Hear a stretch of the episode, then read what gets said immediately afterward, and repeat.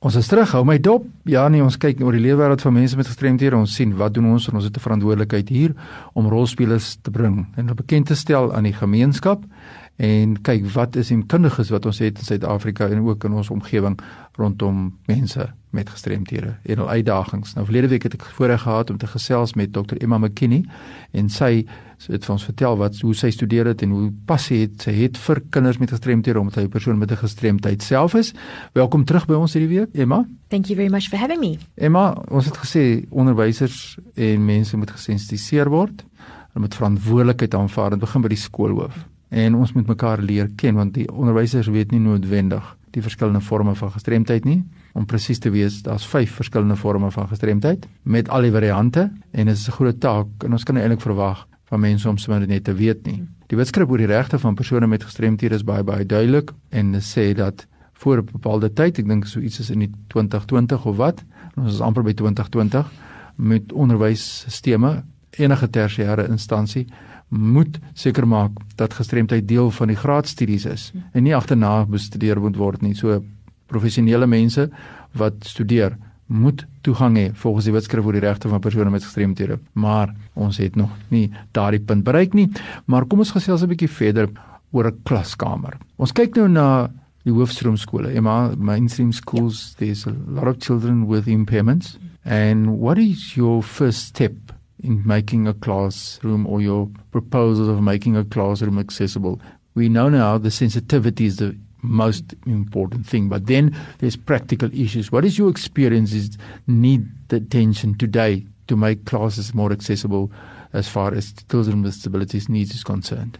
Sure, it's it's important to note that the benefits that if you try and make your classroom accommodative of children with disabilities, not only the children with disabilities are going to benefit, all our learners in the classroom would benefit as well. So it's not as though we need to do something special just for them all the children in the class can benefit as well. So, for example, seating is really important and it depends on the individual needs of the learner. You were saying that, yes, there are different categories of disability, but within that, you've got a spectrum.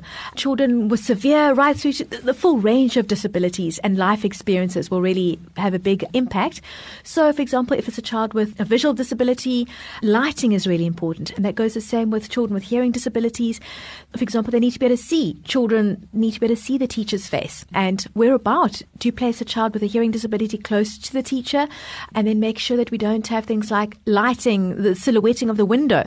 So many teachers love to stand in front of, of a window, but then it makes it really, really difficult to lip read and when the light source is behind the person's head. And other classrooms can be quite dimly lit, which again makes lip reading difficult. And yeah, if the teacher's going to be doing all the teaching, that's great. But many of our activities happen around group work. So whether that's um, having small groups of children seated together, or whether we're doing mat work, you just really need to think about how your classroom is laid out and where the child with a disability will benefit the most from either being closer to a stronger learner, for example, if they need extra support from another learner, perhaps, or whether they need to be closer to the teacher. It really depends on the individual learner. But yeah, just I want you to think about your classroom where things are laid out is really important important. Wat ek kan weet, ons praat nou hier van skole wat hoofstroomskole mm, is mm, of mm. voldienskole. Ja. Ons praat ook aan die ander kant van kinders met spesifieke behoeftes. Ons noem dit special schools, mm. maar in beginsel as jy mens kyk na die wetskrif, gaan dit oor specific needs ja. and rather not special. We go we all special.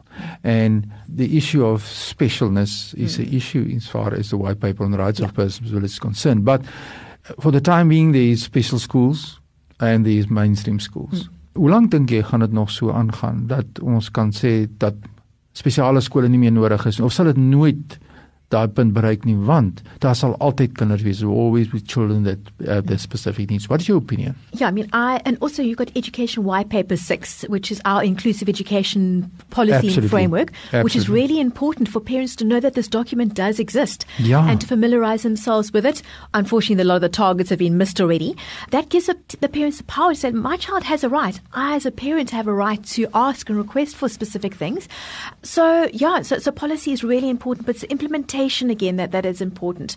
So yeah, it's about whether there's still going to be a place for special schools. We're now lo- looking at rather than category of disability, level of support needed.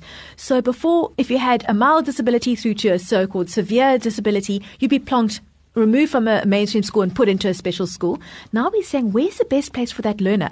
For example, if maybe he wants to be in this local school with his brothers and sisters and the teachers are able to accommodate his needs and the school is accessible, for example, if there is a ramp and he needs it, great. Why can't he get that education in his local school? But if his um, specific needs cannot be met in that classroom because the teachers don't have the equipment or he can't physically get into the building, then then possibly it's on a spectrum.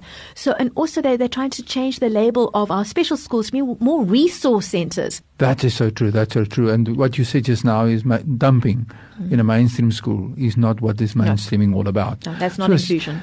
Jy ouers vandag en jy luister na hierdie gesprek tussen my en Dr Emma McKinney oor die skole die insluiting van kinders met gestremthede in verskillende skole. Dit sê dit nou of 'n hoofstroomskool of voldiensskool, wat ook al dit kan noem, private skole. Die belangrike punt is, het daardie kind die nodige ondersteuning? En as jy dan nou voel ek my kind is iemand met 'n sensoriese verlies of iemand met 'n psigososiale uitdagings, impairments, soos hulle dit noem, of 'n intellektuele gestremdheid of 'n fisiese gestremdheid of 'n neurologiese gestremdheid, dan is jou reg as 'n ouer om na vore te kom. Emma, ons het 'n minuut oor in vandag se program. Ons gaan volgende week verder gesels oor hierdie saak. Ons is nog nie klaar nie.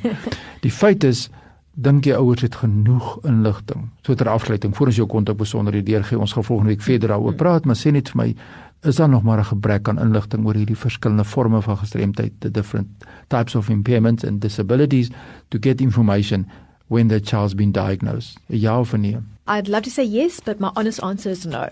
Ons hoor nou wat sê Dr. Emma McKinney, ons het nog baie werk in Suid-Afrika om begrip te kweek vir die uitdagings van verskillende forme van gestremdheid en spesifiek oor skole. Maar volgende week gesels ons verder, maar net weer jou telefoonnommer sommer deurgee vir ons. Gee hom vir ons, as mense nou wil skakel 'n bietjie kers opsteek by jou as 'n persoon met 'n gestremdheid self, Dr. Emma McKinney, oor die opvoedkundige spesialiteit waarna jy is, hulle kind se ontwikkeling. Waar kry hulle vir jou in die hande? Sure, my cell phone number is 0833 479374. That's 0833 479374. And my email is emma, E-M-M-A, at disabilityincluded.co.za. Emma, dankie dat jy jou kundigheid met ons gedeel het. Thank you for having me. Ons gesels volgende week verder. My e-pos is fani.dt by mweb.co.za. Groetens tot volgende week.